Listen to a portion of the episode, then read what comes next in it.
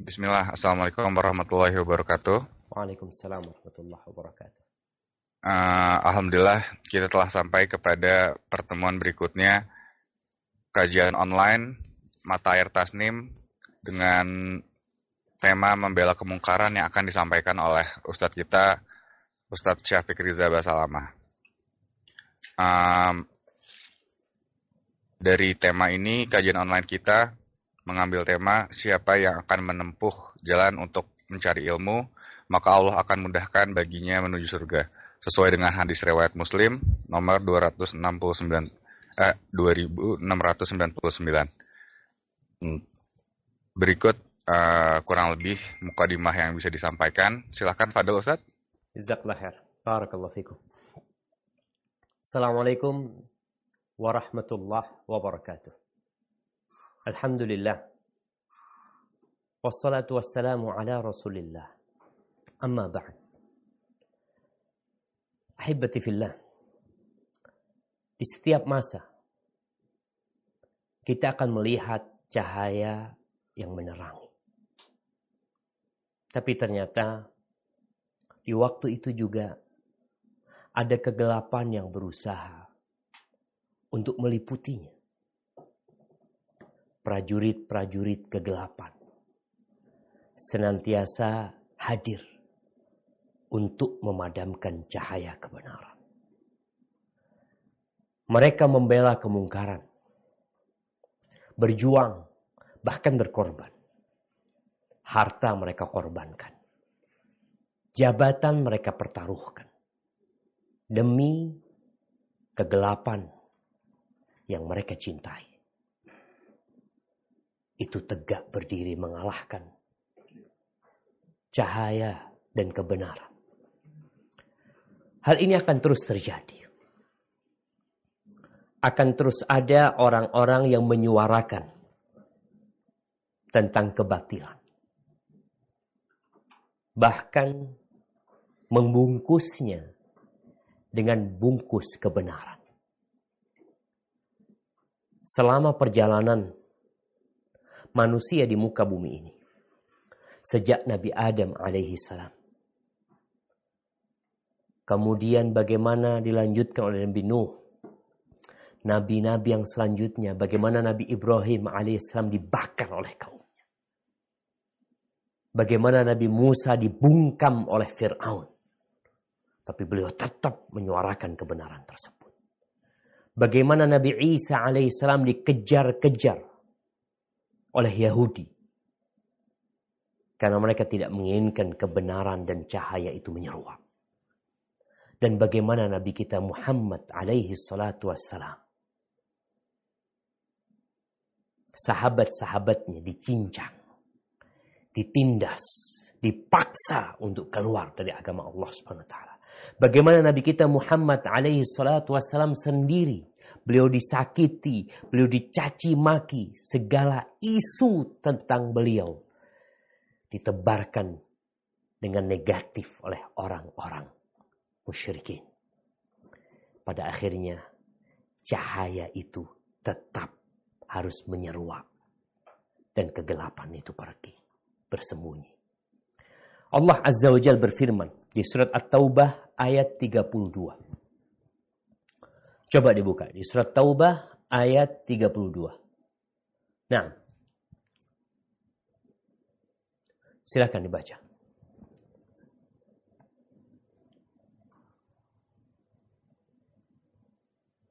Suaranya nggak terdengar tuh kan? Yuriduna Ustaz ya? Ya. Bismillahirrahmanirrahim. Yuriduna ayutifu nurallahi bi afwahihim wa ya'ballahu illa ayutima. Ayutima. Ay. Ayutima. Nurrahu walau karihal kafirun. Barakallahu fikum. Nah. Artinya? Mereka hendak memadamkan cahaya Allah dengan mulut atau ucapan mereka, tetapi Allah tidak menghendaki selain menyempurnakan cahayanya. maupun orang-orang kafir yang tidak menyukai. Barakallahu fikum. Itu Allah sebutkan yuridun. Mereka berambisi. Mereka memiliki keinginan. Irada. Apa keinginan mereka? Memadamkan cahaya Allah. Menyingkirkan agama Allah dari muka bumi. Dengan segala agama-agama yang menyimpang yang mereka tawarkan dengan keindahan. Mereka ingin mematikan cahaya Allah. Biafwahihim. Dengan ucapan-ucapan mereka. Mungkin sekarang dengan media-media mereka. Dengan harta mereka. Dengan kekuasaan mereka. Mereka ingin mematikan cahaya Allah Azza wa Jalla. Mereka akan berusaha. Mereka akan berupaya. Makanya mereka membela kebenaran sekuat tenaga mereka. Tapi Allah akan menyempurnakan agamanya. Optimisme setiap muslim dalam kehidupan ini. Bukan berarti berpangku tangan, tidak berjuang, tapi kita optimis. Allah Azza wa Jal Rabbul Alamin akan memenangkan agama Allah ini. Akan menyempurnakan cahayanya walaupun orang-orang kafir tidak menyukai hal itu. Antum harus tahu bahwa mereka nggak suka. Mereka benci ketika cahaya Islam ini menyeruak dan menyinari. Mereka membela nilai-nilai kekufuran. Nilai-nilai kejahatan, kefasikan. Ya wajarlah. Mereka memang bukan orang-orang beriman. Tapi yang jadi masalah, ada sekelompok manusia. Mungkin di negeri kita Mungkin di negeri yang lainnya. Mungkin di masa yang lalu. Mungkin di masa yang sekarang ini. Dan mungkin di masa yang akan datang. Bagaimana kelompok tersebut? Kelompok tersebut pura-pura Islam. Ya. Pakaiannya pakaian muslim. Salamnya assalamualaikum. Pengakuannya asyhadu an la ilaha illallah wa asyhadu anna Muhammad Rasulullah. Tapi ternyata mereka sama dengan orang-orang kafir. Bahkan lebih parah karena mereka musuh dalam selimut. Mereka seperti bunglon yang tatkala berkumpul dengan orang-orang beriman, kita lihat bunglon tuh. Ketika diletakkan di tempat yang hijau, dia jadi hijau. Ketika dikumpulkan di tempat yang putih, dia jadi putih. Ketika dikumpulkan di tempat yang merah, dia jadi merah. Mereka lebih berbahaya daripada orang-orang kafir yang asli. Karena mereka ada di sekitar kita. Mereka mungkin sedang mendengarkan ceramah ini. Mereka mungkin sedang sholat di masjid.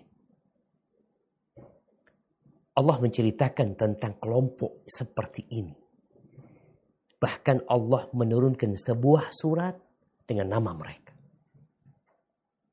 Apa namanya? Surat Al-Munafiqun.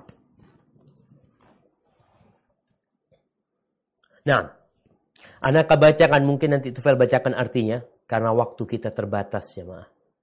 Anda lihat waktu kita ini Masya Allah ada banyak yang ingin Anda sampaikan. Cuma tadi kita memulainya terlambat. Allah berfirman, "Idza ja'aka al-munafiquna قالوا نشهد إنك لرسول الله. والله يعلم إنك لرسوله. والله يشهد إن المنافقين لكاذبون. اتخذوا أيمانهم جنة فصدوا عن سبيل الله. إنهم ساء ما كانوا يعملون.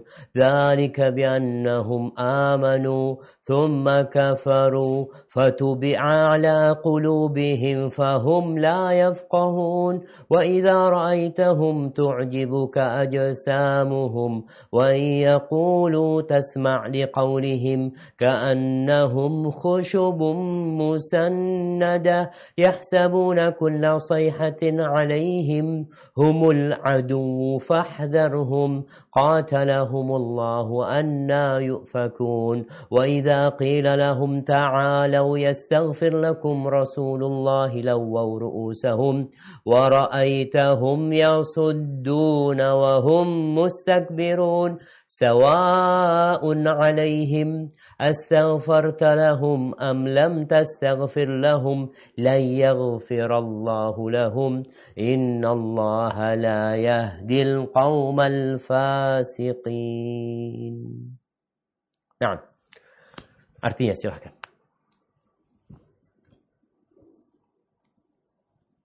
suaranya suaranya Tuhan Apabila orang-orang munafik datang kepadamu, mereka berkata, Kami mengaku bahwa sesungguhnya engkau adalah utusan Allah. Dan Allah mengetahui sesungguhnya engkau adalah utusannya. Dan Allah menyaksikan bahwa sesungguhnya orang-orang munafik itu benar-benar pendusta. Mereka itu menjadikan sumpah mereka sebagai pelindung, lalu mereka menghalangi dari jalan Allah. Sesungguhnya amat buruklah apa yang telah mereka kerjakan. Yang demikian itu karena mereka beriman, kemudian mereka kafir. Lalu hati mereka dicap, maka mereka tidak mengerti. Dan apabila engkau melihat mereka, tubuh-tubuh mereka mengagumkan engkau, dan jika mereka berkata, engkau mendengarkan perkataan mereka, mereka seolah-olah kayu yang tersandar, mereka mengira bahwa tiap-tiap teriakan yang keras ditujukan kepadanya. Mereka itu musuh, maka waspadalah terhadap mereka. Allah membinasakan mereka, bagaimana mereka dapat dipalingkan. Dan apabila ditanyakan kepadanya, kepada mereka, marilah supaya Rasulullah SAW akan memintakan ampun bagi kamu. Mereka memalingkan kepalanya, engkau melihat mereka berpaling dan mereka menyombongkan diri. Sama saja bagi mereka, engkau mintakan ampun atau tidak, mintakan ampun. Allah tidak akan mengampuni. Sesungguhnya Allah tidak akan memberikan petunjuk bagi kaum yang fasik. Mereka lah orang-orang yang berkata, janganlah kamu Barakallahu beri... fikum. Kayaknya cukup. Nah, sampai ayat 6. Jamaah rahimakumullah. Kita lihat nih kelompok orang-orang munafikin. Kayak orang yang paling Islam. Kalau ngomong Masya Allah. Saya disumpah. Dengan Al-Quran saya bersumpah. Ashadu an la ilaha illallah wa ashadu anna Muhammad Rasulullah. Tapi mereka bohong. Nampak dari ucapan-ucapan mereka. Tindakan-tindakan mereka yang membuktikan bahwa mereka sedang membela kebenar, membela kemungkaran dan mereka berusaha untuk mematikan cahaya kebenaran. Ngomongnya paling baik. Paling bagus. Tapi Allah mengatakan humul adu, mereka musuh yang sebenarnya. Fahdarhum. Kita terkesima dengan mereka, dengan ucapan-ucapan mereka dengan pengakuan-pengakuan mereka. Tapi Allah mengatakan humul adu hati mereka musuh. Jadi ngomongnya kalau bicara agama selalu nggak enak tuh orang-orang kayak gitu. Yang nyindir ini, yang nyelekit masalah ini dan itu. Apa yang mereka bela? Kemungkaran. Ahibati fillah. Orang-orang seperti ini mereka akan terus seperti itu. Kecuali Allah membuka pintu hati mereka. Namun kata Allah sudah dikunci hati mereka. Sudah dicap stempel. Pendusta mereka. Ketika mereka berusaha membela diri. Ya mereka pandai bersilat lidah. Tapi ada momentum-momentum yang mereka akan tergelincir dan terungkap hakikat mereka. Allah menyebutkan tentang kondisi mereka nanti di hari kiamat. Sekarang di dunia Mereka seperti itu. Bagaimana kondisi mereka nanti di hari kiamat? Coba dibuka Qur'annya di surat Al-Mujadilah. Ayat 18 sampai 21. Allah berfirman, anak akan bacakan ayatnya. Mungkin nanti Akhtufel yang akan membacakan artinya. الله برفرمان يوم يبعثهم الله جميعا. فيحلفون له كما يحلفون لكم ويحسبون أنهم على شيء ألا إنهم هم الكاذبون. استحوذ عليهم الشيطان فأنساهم ذكر الله. أولئك حزب الشيطان ألا إن حزب الشيطان هم الخاسرون. إن الذين يحادون الله ورسوله أولئك في الأذلين. كتب الله. la'aghlibanna أنا wa إن الله قوي عزيز. Nah, yang artinya suaranya Ingatlah, pada hari Allah membangkitkan mereka semua. Lalu mereka bersumpah kepadanya sebagaimana mereka telah bersumpah kepada kamu. Mereka mengira bahwa mereka akan memperoleh sesuatu manfaat. Ketahuilah bahwa sesungguhnya mereka adalah orang-orang pendusta. Setan telah menguasai mereka, lalu ia membuat mereka lupa mengingat Allah. Mereka itu adalah golongan setan. Ketahuilah bahwa sesungguhnya golongan setan itu adalah mereka yang merugi. Sesungguhnya orang-orang menentang Allah dan Rasulnya, mereka itulah termasuk orang-orang yang sangat hina. Allah telah menentukan, sungguh aku dan Rasul-Rasulku akan menang. Sesungguhnya Allah maha kuat lagi maha perkasa. Barakallahu fikum. Tuh, sampai nanti pada hari kiamat pun mereka sumpah lagi. Mereka bersumpah, dulu bersumpah kepada orang-orang beriman. Dulu bersumpah di hadapan Nabi ketika Nabi hidup. Kemudian setelah itu mereka menunjukkan identitas keislaman mereka di depan masyarakat. Mungkin dengan media yang ada. Mereka ingin menunjukkan bahwa kita adalah orang-orang yang Islam. Nah, di hari kiamat mereka tetap seperti itu. Tapi apa kata Allah? Kadhibun. Mereka pendusta. Mereka mengira dengan sumpah mereka, mereka akan mendapatkan manfaat nanti di akhirat. Karena di dunia, orang-orang munafik dapat manfaat dari orang-orang Islam. Dapat manfaat dari orang-orang Islam.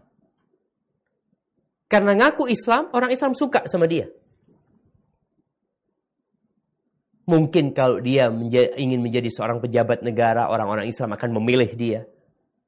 Karena dia dianggap muslim, Mungkin kalau dia membuka usaha, orang-orang Islam akan belanja sama dia. Karena dia muslim. Itu terjadi di dunia. Di masa Nabi SAW, ketika ada pembagian harta, orang-orang munafik dapat. Mereka juga tidak diperangi. Tapi di akhirat nggak ada. Mau cari apa engkau? Kekuasaanmu tidak engkau bawa mati. Kau lihat seorang tentara beberapa waktu yang lalu ada mantan panglima yang meninggal dunia. Selesai. Apakah dia bawa jabatan? Dia di tanah di sana. Nggak ada yang dia bawa. Jabatan, kekuasaan, harta, semua ditinggal. Maka Allah mengatakan ulaika hizbus syaitan. Mereka adalah partainya syaitan kelompoknya syaitan. Mereka orang-orang yang merugi. Dalam pandangan mereka sekarang, mereka beruntung. Hai batifillah. Nih, di antara salah satu sifat orang-orang munafik. Sifat termasuk yang mencolok di mereka. Adalah mereka membela kemungkaran. Bahkan menyuruh orang, menyuruh orang untuk melakukan kemungkaran dan menghalangi orang dari berbuat kebaikan. Allah sebutkan di surat Taubat ayat 67. Nah, Allah mengatakan Al-munafiquna wal munafiqatu Eh, Baba yulqil muhadara. Bang Harun. Dijawal Jabir. Kalim Jabir. Ada Amin Mustafa. Telepon Bang Harun Mustafa. Allah mengatakan المنافقون والمنافقات بعضهم من بعض. يأمرون بالمنكر وينهون عن المعروف ويقبضون أيديهم. نسوا الله فنسيهم. إن المنافقين هم الفاسقون.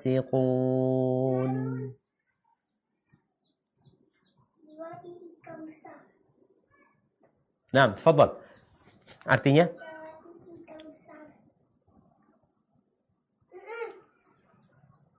Ke mana tuh Fer? Kok hilang?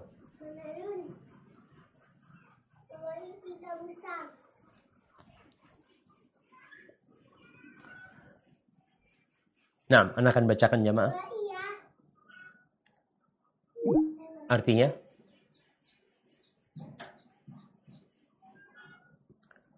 Sesungguhnya orang-orang munafik laki-laki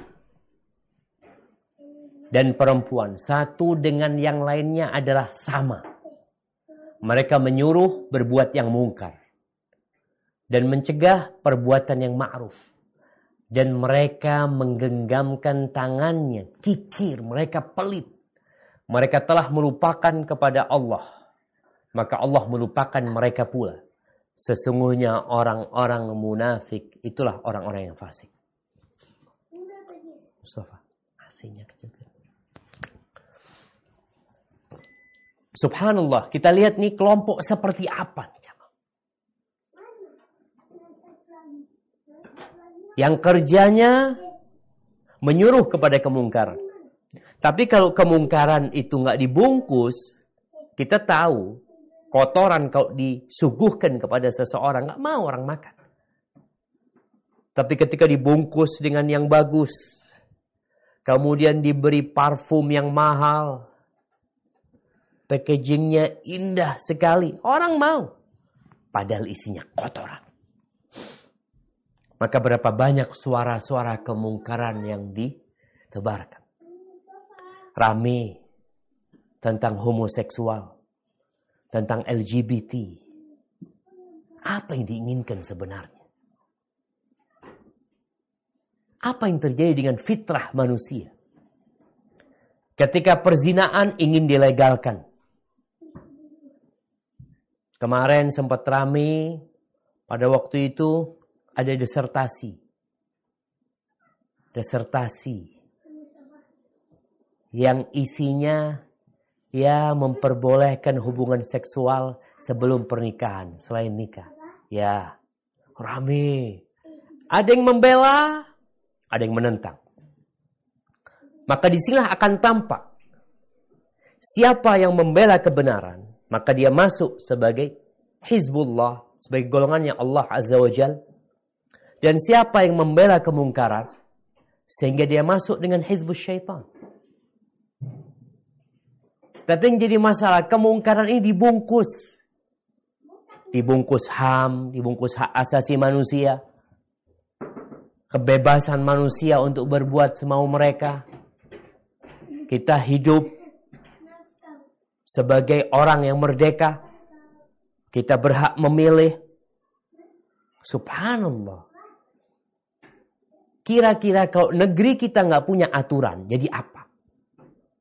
Ketika semua orang berpikiran dia bebas mengendarai mobilnya. Mobil ini punya anak, ya, dia yang punya mobil. Dia bayar pajak mobil. Bensin dia yang beli. Apakah dengan bebas dia parkir di tempat yang dia sukai? Apakah dengan bebas dia berjalan di jalan yang dia sukai? Ada aturannya, Mas. Itu bicara mobil. Emangnya manusia kemudian nggak diatur? Ketika seorang laki-laki sukanya sama anak kecil. Na'udzubillah. Apakah kita nggak berbicara ini kebebasan? Memang sukanya dia seperti itu. Biarkan dia seperti itu. Engkau akan, oh enggak, nggak boleh karena itu penyimpangan. Nah, ada penyimpangan. Kita sebagai muslim, yang muslim, Anda bicara kepada yang muslim. Yang munafik, ya kita sudah tahu. Dia akan membela kemungkaran. Itu salah satu sifat mereka. Mereka akan menuduh orang kamu yang sok Islam, ah, ya, yang sok Islam. Islam tuh punya aturan. Aturannya nih Quran. Bagaimana Nabi SAW mempraktekkan Al-Quran di masa Nabi SAW. Karena ada orang-orang yang dalilnya Quran. Mereka teriak-teriak mengatakan, ya yang haram LGBT itu kalau ada pemaksaan. Kalau ridho sama ridho, halal. Oh. Kau teriak seperti itu. Dan kau pakai Al-Quranul Karim. Bahkan mengatakan, Al-Quran sudah tidak relevan lagi. Mereka menyuruh kepada kemungkaran. Ahibati fillah. Di surat Ali Imran. Ayat 110. Allah menyebutkan tentang umat Islam. Umat Islam. Gimana sih sifatnya umat Islam? Tadi kita udah tahu orang-orang munafik itu bajunya Islam. Sifatnya mereka seperti apa? Allah sebutkan. Kalau umat Islam di surat Ali Imran ayat 110.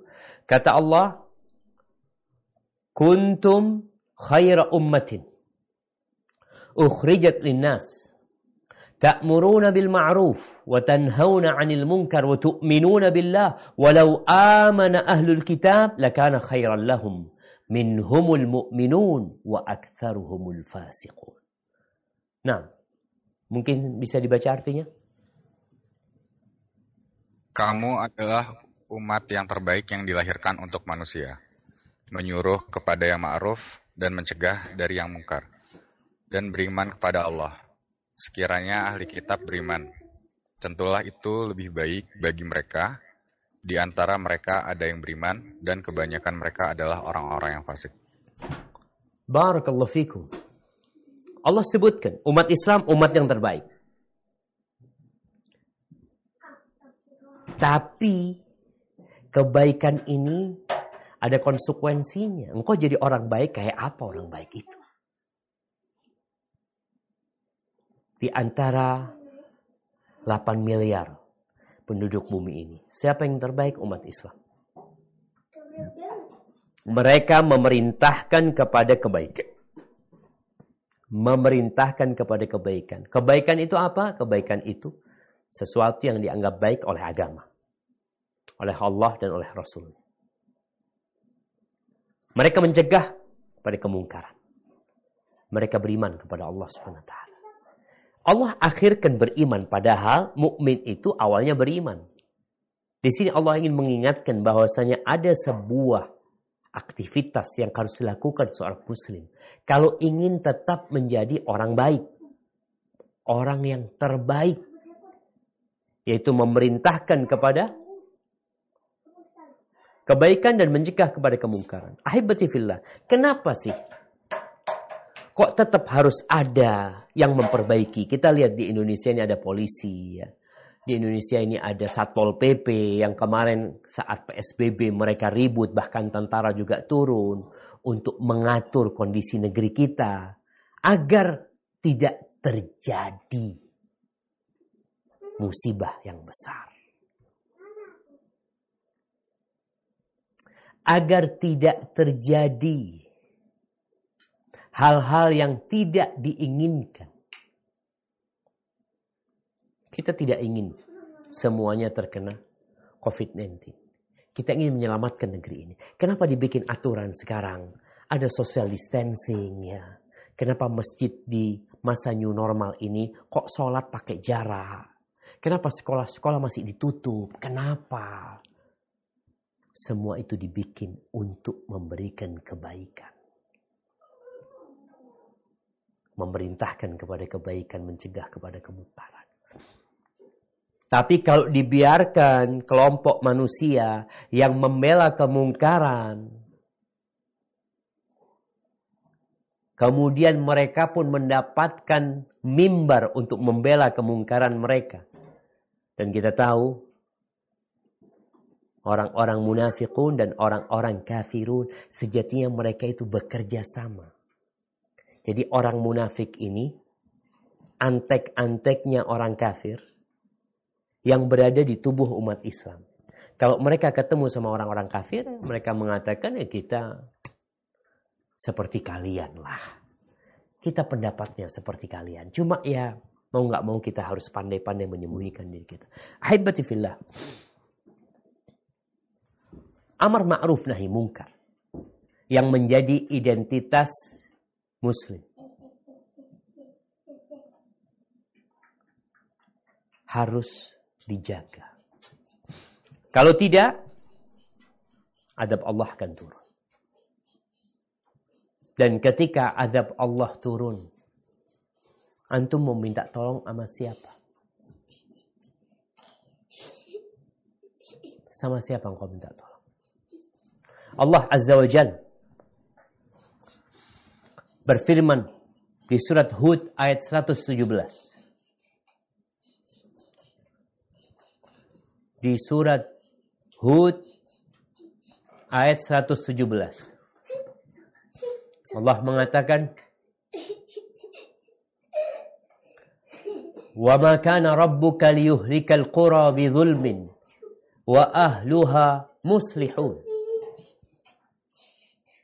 Nah. Dan Tuhanmu sekali-kali tidak akan membinasakan negeri-negeri secara zalim. Secara penduduknya, sedang penduduknya orang-orang yang berbuat kebaikan. Nah, di sini disebutkan orang-orang muslihun. Jadi muslih itu ada orang soleh, ada orang muslih. Namanya orang, oh fulan muslih, fulan soleh. Soleh itu baik, orang baik. Muslih ini orang baik yang memperbaiki. Jadi tatkala negeri itu ada orang-orang yang memperbaiki, maka negeri itu insya Allah tidak akan Allah binasakan. Tapi ketika negeri itu ada orang-orang baik, tapi mereka membiarkan kemungkaran-kemungkaran itu terjadi, maka tunggu laknat Allah SWT. Karena sejatinya orang yang melihat kemungkaran kemudian dia tidak mengingkarinya, syaitanun akhras. Dia syaitan bisu. Jamaah rahimakumullah. Kita benar-benar mulai melihat di negeri kita ini peristiwa-peristiwa yang memilukan hati. Kadangkala terjadi pembunuhan, itu orang-orang lihat. Orang dibacok di pinggir jalan. Ya. Sudah mulai. Mereka melakukan itu. Ada orang jambret. Kadangkala hanya dilihat saja. Ada orang berbuat mesum. Ditonton nama mereka. Mau jadi apa masyarakat kita?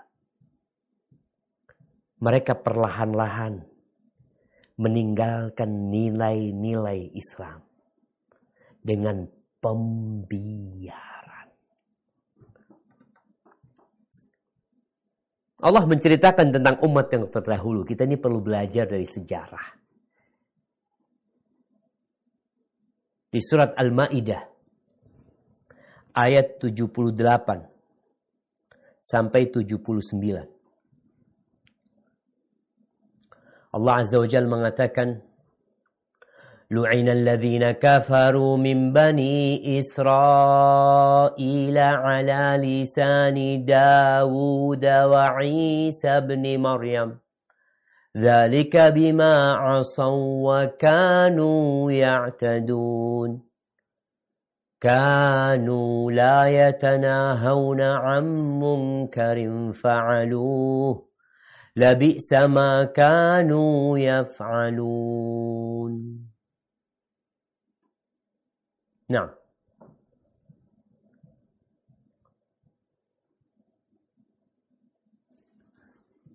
Orang-orang kafir dari Bani Israel telah dilaknat melalui lisan Daud dan Isa putra Maryam.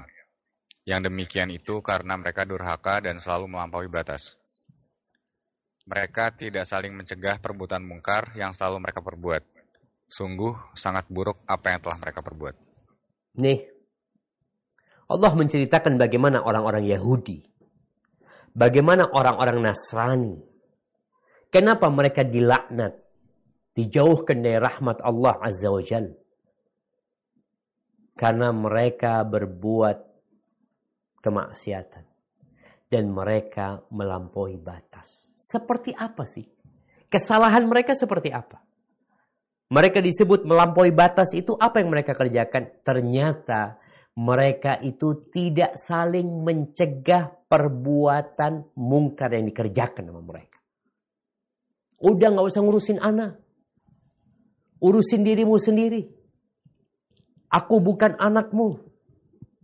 Aku bukan keluargamu. Yang jadi masalah engkau hidup di negeri ini. Negeri ini kita tempatin bersama.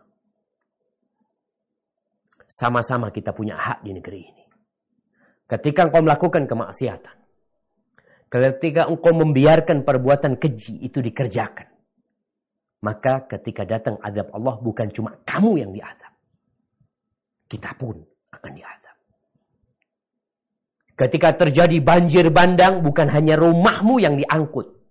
Rumah yang lain juga ikut diangkut. Ketika terjadi gempa bukan hanya rumahmu yang ditelan bumi. Rumah orang sekampung ditelan bumi. Maka ketika bicara orang-orang yang membela kemungkaran, kemudian kita membiarkan hal itu terjadi, maka kita sedang menunggu laknat Allah Azza wa Jal. Bagaimana Bani Israel dirubah jadi kera. Jadi babi. Sebagian di antara mereka yang tidak mau dikasih tahu. Haibati fillah. Jadi tatkala membiarkan kemungkaran terjadi, bahkan pembela-pembela kemungkaran diberi panggung. Mungkin ada manfaat duniawi yang kau dapatkan. Tapi nggak lama. Karena sebentar lagi manfaat itu akan hilang. Allah berfirman di surat Al-Anfal ayat 25. Nah, di surat Al-Anfal ayat 25 Allah berfirman Wattaqu fitnatan la tusibanna alladhina zalamu minkum khassah واعلموا أن الله شديد العقاب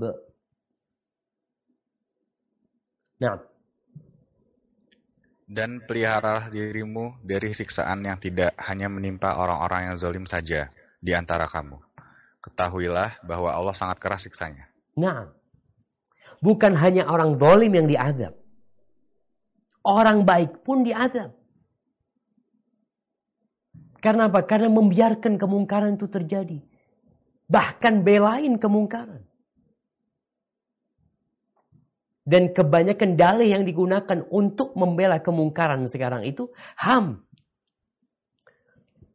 Hak asasi manusia. Apakah HAM itu sebagai sarana agar engkau melampiaskan nafsu?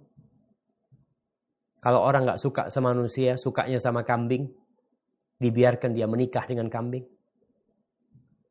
Dengan mengatakan ham, biarin dia sukanya kayak gitu. Oh enggak kan ada aturan, nam. Dan aturan yang tertinggi buat seorang muslim adalah Al-Quranul Karim. Adalah sunnah Rasul Sallallahu Alaihi Wasallam. Semua aturan yang bertentangan dengan kitabullah dan sunnah Rasul SAW, Muslim mengatakan la. Bilal disiksa. Sumayyah mati. Demi mempertahankan keyakinan dia. keimanan dia. Ahibati fillah. Di dalam riwayat Imam Ahmad disebutkan bahwa Nabi alaihi salatu wasallam bersabda, "Inna Allah la yu'adzibul bi 'amalil khasah." Allah itu tidak akan mengadab orang masyarakat secara umum dengan amalan sebagian orang. Orang khusus yang melakukan dosa, masa yang lainnya dapat adab juga enggak hatta yarawul munkar baina dhahranaihim sampai mereka melihat kemungkaran itu dengan terang-terangan dilihat oleh mereka. Wahum qadiruna ala ayyunkiru. Dan mereka mampu untuk merubahnya. Kalau bicara kemampuan merubah kemungkaran ini yang pertama dengan tangan kita. Ini bagi penguasa. Bagi mereka yang punya kekuatan. Bagi mereka yang punya kekuasaan dengan tangan mereka kalau nggak mampu, maka dengan lisannya, dengan ucapan mereka, tetap dengan cara yang baik, ada adab dan etikanya pula. Nggak mampu, maka dengan hati mereka. Itu dengan cara mengingkari kemungkaran tersebut, membencinya, dan meninggalkan tempat kemungkaran tersebut. Wahum qadiruna ala ayyunkiru. Mereka mampu untuk mengingkarinya. Sedangkan mereka tidak mengingkarinya. Fa'idha fa'alu dhalika azzaballahu al-khasah wal-amah. Ketika mereka melakukan itu, maka Allah akan mengadab pelaku-pelaku dosa dan orang-orang umum. Karena mereka membiarkan jamaah. Ini yang membiarkan. Gimana dengan yang bela? Yang belain kemungkaran. Kemudian dalam hadis riwayat Abu Dawud. Ma min qawmin yu'malu fihimul ma'asi. Tidaklah di satu kaum yang di tengah-tengah mereka dikerjakan perbuatan-perbuatan maksiat. Thumma yaqdiruna ala an yughayyiru thumma la yughayyiru. Sedangkan mereka mampu untuk merubah kemungkaran tersebut, namun mereka tidak merubahnya illa wa yushikullah an ya'ummahum biiqab. Melainkan Allah hampir saja akan meliputin mereka secara umum dengan hukuman buat mereka semua. Ahibati fillah. Kemarin ketika bicara COVID-19, penyakit yang mungkin sebelumnya tidak ada. Tahu-tahu datang. Di antara sebabnya adalah tatkala perzinaan merajalela. Perbuatan keji merajalela. LGBT dibiarkan. Dan Allah kirimkan itu yang namanya COVID-19. Sekarang kita mengulangin lagi. Subhanallah. Ya. Banyak di antara kita yang nggak ambil pelajaran. Kalau ada orang-orang yang sakit, obatin. Jangan orang sakit dikasih penyakit. Orang narkoba, ya udah maunya dia narkoba. Kenapa engkau halangin dia? Engkau tidak pernah melahirkan dia? Dia narkoba sama duit dia? Dia mabuk, ya dia juga yang mabuk? Kenapa kok dilarang tuh orang? Apakah kita akan membiarkan? Kalau bicara HAM, itu hak dia. Tapi kita punya aturan. Kita punya agama, jamaah. Ada yang ingin merubah aturan-aturan di negeri kita. Tentang pernikahan. Ada yang berusaha merubahnya. Calon pengantin itu ada pria wanita. Ada yang berusaha untuk merubahnya. Dan bukan sekarang, 10 tahun yang lalu. Sudah ada yang mengajukannya ke DPR. Untuk merubah hal itu. Ada kelompok-kelompok yang ingin mengajukan tersebut. Kenapa? Karena mereka berusaha mengundang adab Allah Subhanahu wa taala. fillah. Semua ada aturan. Jadi kalau bicara LGBT, bicara narkoba, bicara minuman, bicara perzinaan, semua diatur. Terus kenapa ada manusia-manusia yang tidak mau diatur? Ahibati fillah. Umar bin Abdul Aziz rahimahullahu taala dia pernah dia khalifah. Dia bukan presiden di sebuah negara. Dia seorang pemimpin yang kekuasaannya sampai ke Portugal. Sampai ke Spanyol, terus ke Portugal. Yang kekuasaannya sampai ke India yang kekuasaannya sampai ke Azerbaijan. Kalau bicara Afrika, ya sudah sampai ke mana-mana. Dia kirim surat kepada kepada gubernur-gubernur dia, kepada bupati-bupati dia. Apa isi suratnya? Dia mengatakan, "Amma ba'd, fa innahu lam yadharil munkar fi qaumin qat, thumma lam yanhahum ahlus salahi bainahum, illa asabahum Allah bi'adabin min 'indih." أو بأيدي من يشاء من عباده ولا يزال الناس معصومين من العقوبات والنقمات ما قمع أهل الباطل واستخفي فيهم بالمحارم Ini Umar bin Abdul Aziz memberikan penjelasan seperti presiden membuat aturan, membuat surat kepada menteri-menterinya, kepada pejabat-pejabatnya, isinya apa? Ingat, tidaklah sebuah kemungkaran yang muncul di sebuah daerah. Kemudian orang-orang yang baik tidak mengingkarinya. Mereka tidak merubahnya. Melainkan Allah akan menurunkan adab buat mereka dari sisi Allah. Atau Allah akan kirimkan dari orang-orang yang menguasai mereka. Adab langsung dari Allah. Atau Allah pakai orang-orang lain menguasai mereka. Sesungguhnya orang manusia itu akan tetap terjaga dari hukuman-hukuman Allah, dari balak dan petaka selama pembela-pembela kebatilan itu ditundukkan. Dan perbuatan-perbuatan dosa itu tersembunyi dari mereka. Ahibati fillah. Sekarang tugas kita yang beriman kalau engkau beriman. Kita bicara yang beriman jamaah. Karena Allah sayang sama orang-orang yang beriman.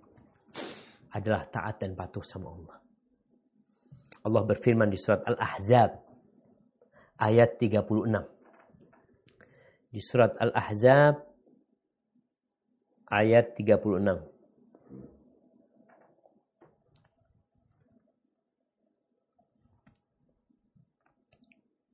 Apa kata Allah? Bismillah.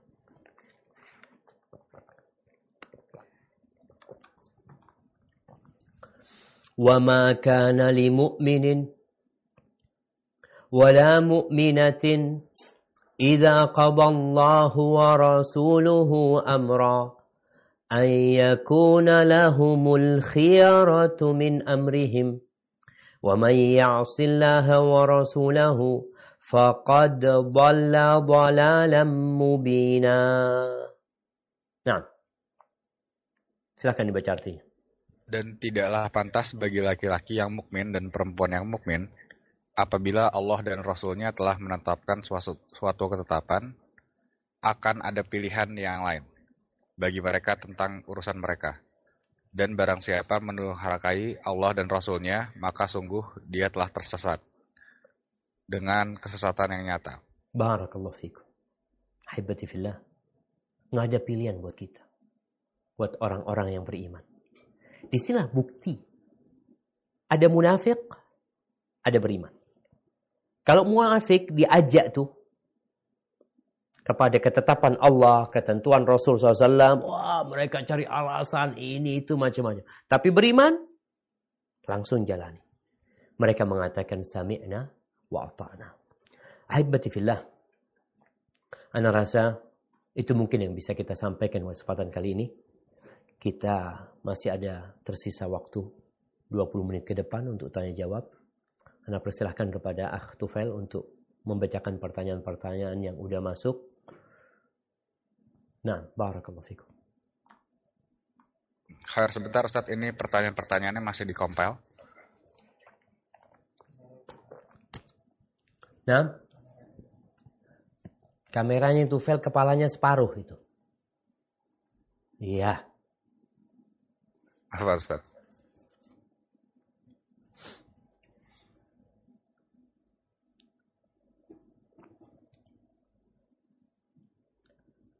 Nah. Baik, jemaah sambil nunggu pertanyaan itu dibacakan insya Allah. Seorang muslim mau muslim, mau non-muslim, itu sementara kita tinggal di dunia. Dan sebagai hamba yang diciptakan untuk mengabdi kepada Allah Azza wa Jal, maka berusahalah untuk sabar menghadapi kondisi yang ada. Kau harus terus mengikat hatimu dengan Sang Pencipta. Jalanin gangguan, cobaan akan terus datang.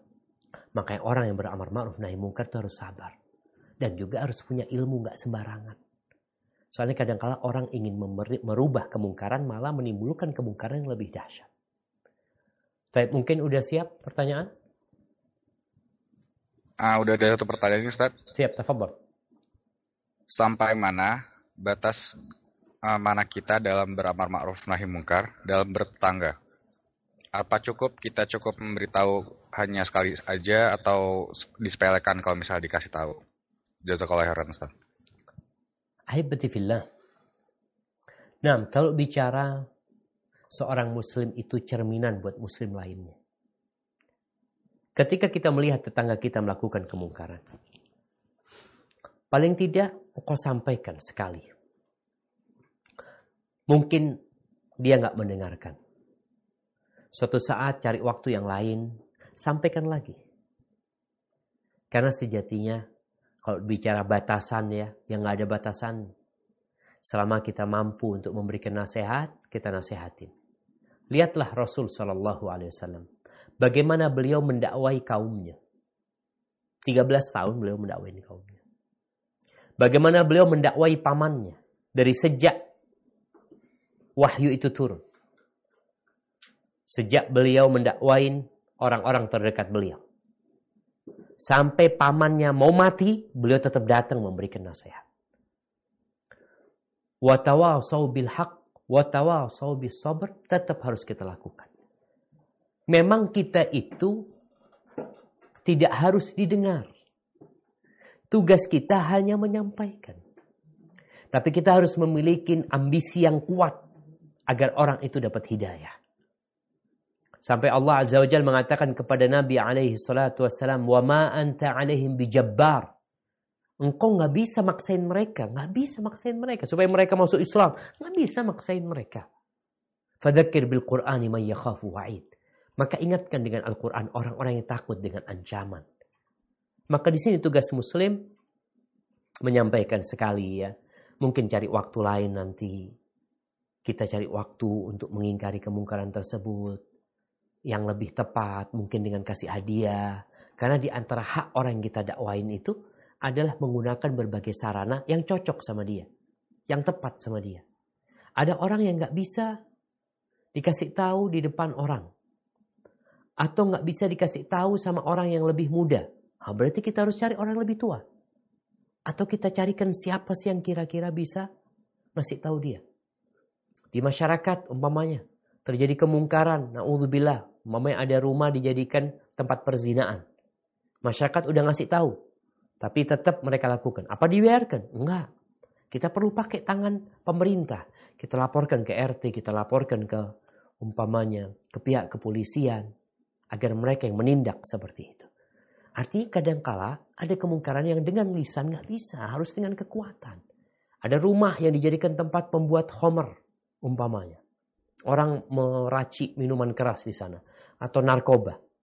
Apakah kemudian kita diam-diam aja? Ya kita sampaikan, kita nggak bisa ngasih nasihat. Kita cari orang yang bisa ngasih nasihat, yang bisa merubah kemungkaran tersebut. Makanya semua ada caranya. Tapi hati kita tetap mengingkari kemungkaran tersebut.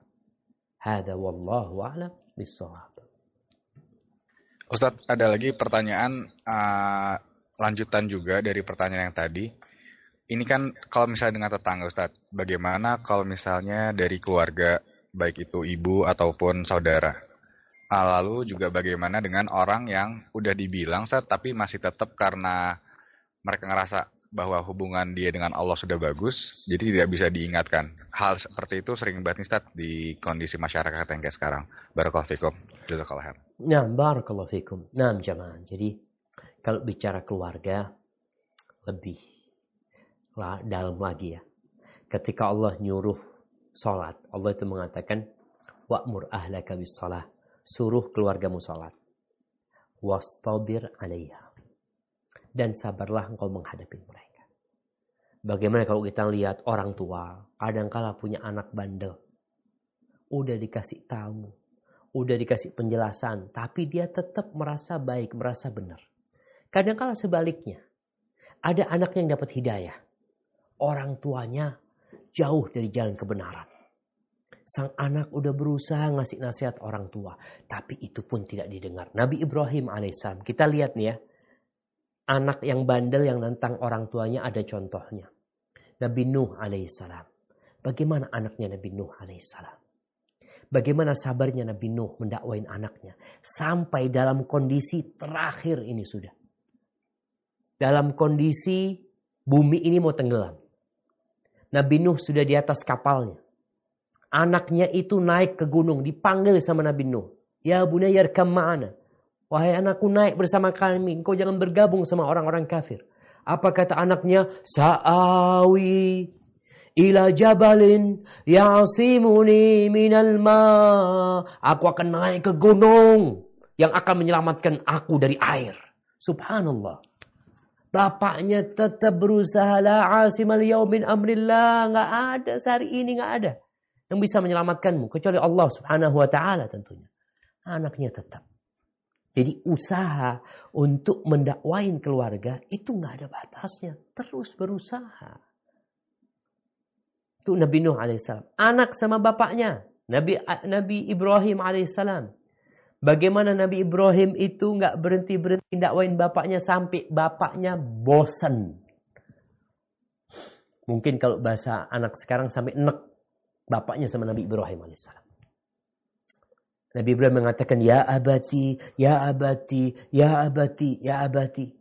Apa kata bapaknya? La ilam tantahi ya Ibrahim la arjumanna. Kalau engkau terus-terusan nggak berhenti dakwain aku, aku akan lemparin engkau dengan batu.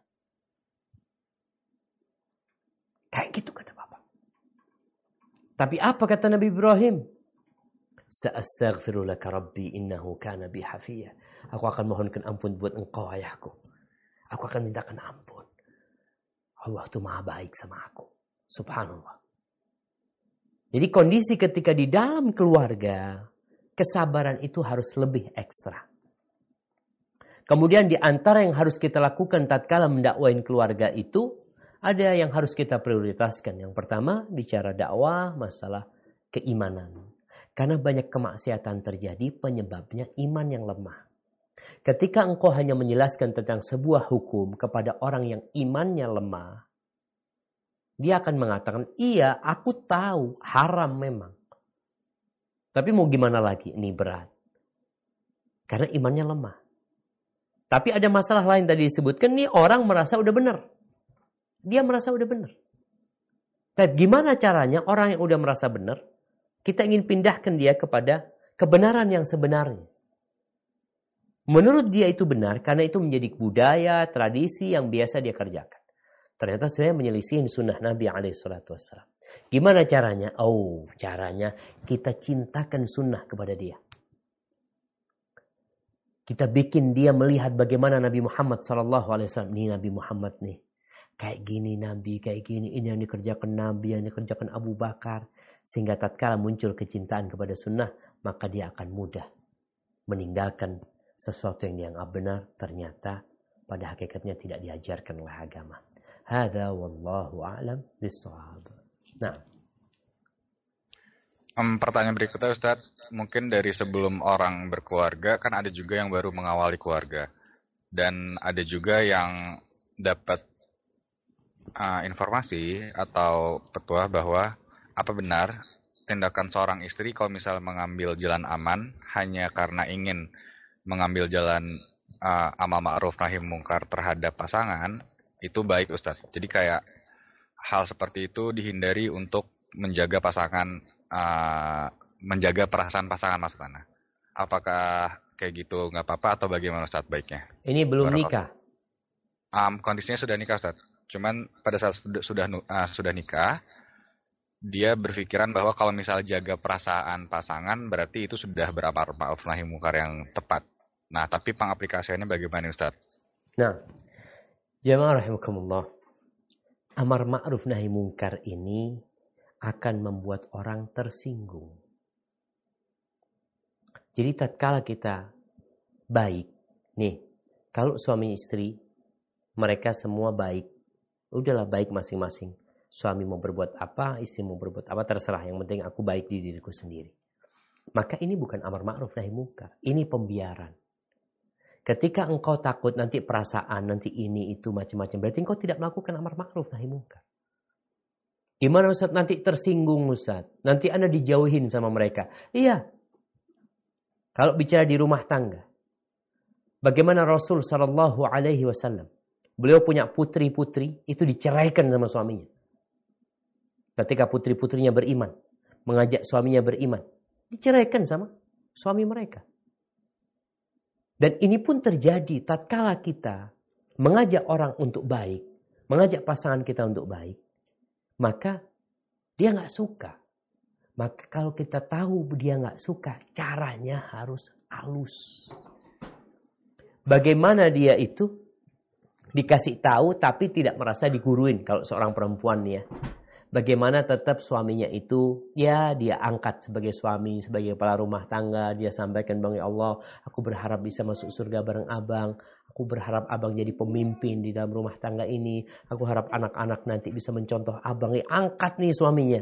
Setelah itu baru bang ada satu hal yang aku minta abang kalau bisa tinggalkanlah bang yang ini yang itu Insya Allah cara seperti itu manjur ya untuk membuka hati suami. Jadi buka hatinya terlebih dahulu, baru engkau letakkan sesuatu yang indah di sana. Hada wallahu a'lam bisawab.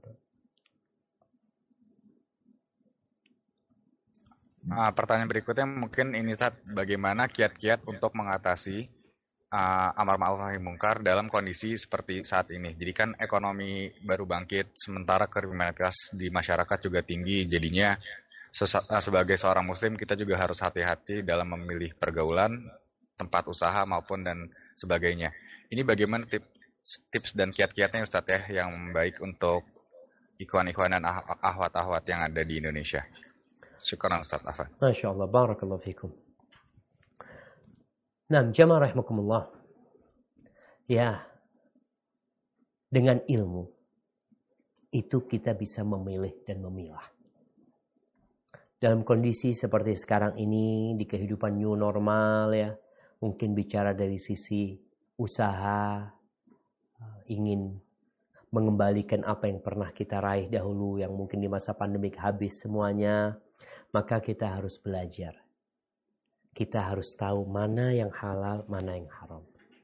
Kita harus ngerti mana kawan yang dapat membawa kepada kebaikan dunia dan akhirat dan mana kawan yang dapat menyenangkan kita hanya untuk dunia kita.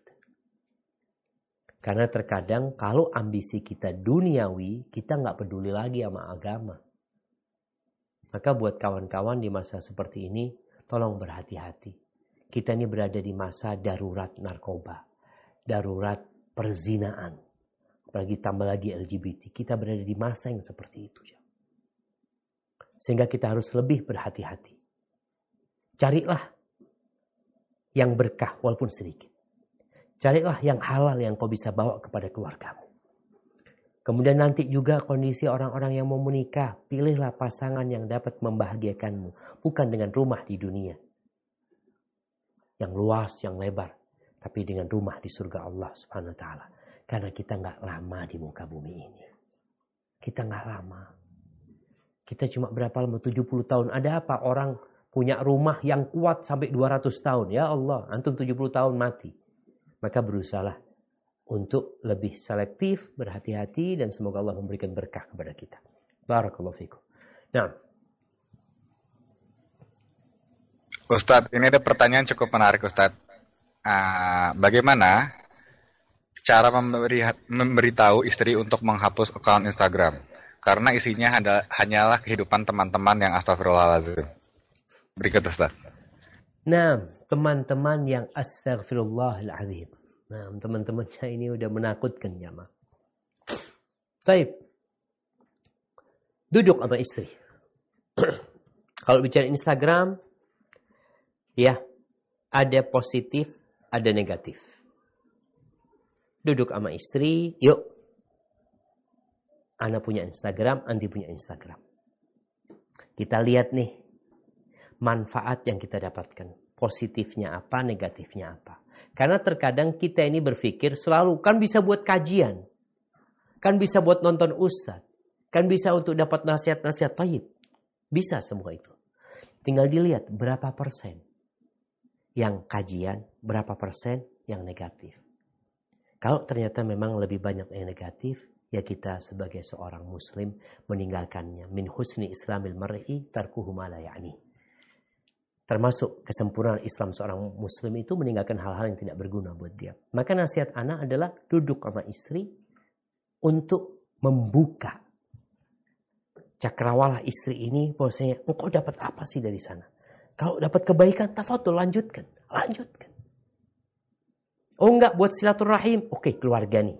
Silaturahim yang ada aturannya. Aku punya sahib-sahib, aku kan juga punya kawan-kawan. Nah, carilah kawan-kawan yang membawa kepada kebaikan. Jadi insya Allah ketika suami istri ini komunikasinya baik, ya mereka juga sama-sama ingin masa depan yang indah.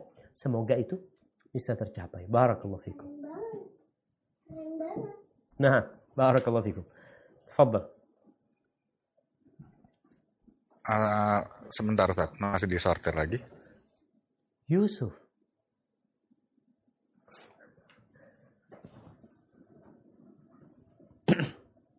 Gitu jamaah. Jadi pasangan hidup ini memang harus menjalankan hubungan yang hubungan yang apa komunikasi yang baik di antara mereka. Ingat suami sebagai pemimpin, sebagai sebagai komandan. Kadang kala ada permasalahan, anda melihat ada orang yang punya masalah istrinya seperti ini seperti ini. Anda ngomong masalahnya bukan istrimu, masalahnya di dirimu. Engkau yang tidak bisa memimpin di sana. Itu yang kadang-kala terjadi. Babek Yusuf. Fan Yusuf. Yusuf.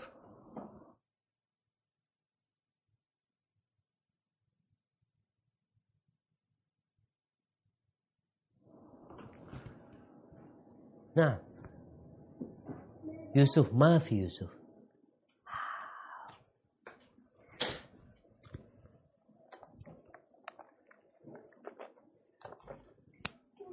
Nah. Uh, cukup Ustaz ini pertanyaannya sudah. Habis ya. sudah pertanyaannya. Sudah. Baik jamaah. Mungkin banyak pertanyaan tapi tidak sesuai dengan tema. Insya Allah. Kita ingin menjaga negeri ini bersama-sama. Di kampung kita, kita ingin jaga kampung kita. Masya Allah di masyarakat kadang-kala mereka pasang pos kamling, bikin pos kamling. Mereka ronda. Untuk apa? Untuk mencegah kemungkaran. Supaya di tempat itu tidak terjadi kemungkaran. Yang seperti ini juga kita harus jaga dalam urusan agama kita. Bukan cuma menjaga kampung kita dari maling. Bukan hanya menjaga tempat kita dari perampok.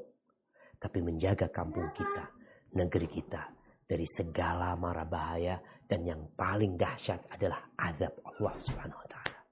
Dengan cara amar ma'ruf nahi mungkar, dengan ilmu, dengan kesabaran, dengan cara yang ditetapkan dalam agama kita. Kurang lebihnya Anda mohon maaf itu yang bisa Anda sampaikan pada kesempatan kali ini.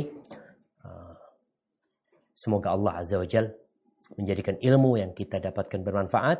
Anda kembalikan kepada Akhtufel untuk menutup kajian kita pada kesempatan kali ini. Fadol.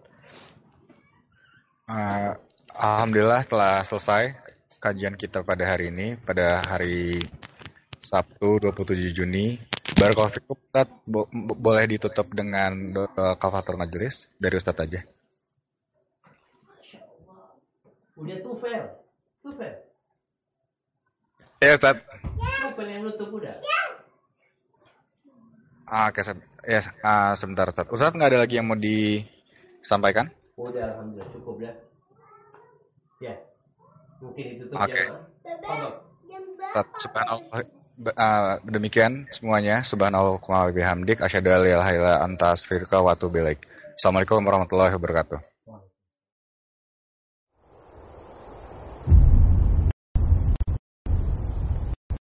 klik tombol berikut untuk mendapatkan update ilmu yang insya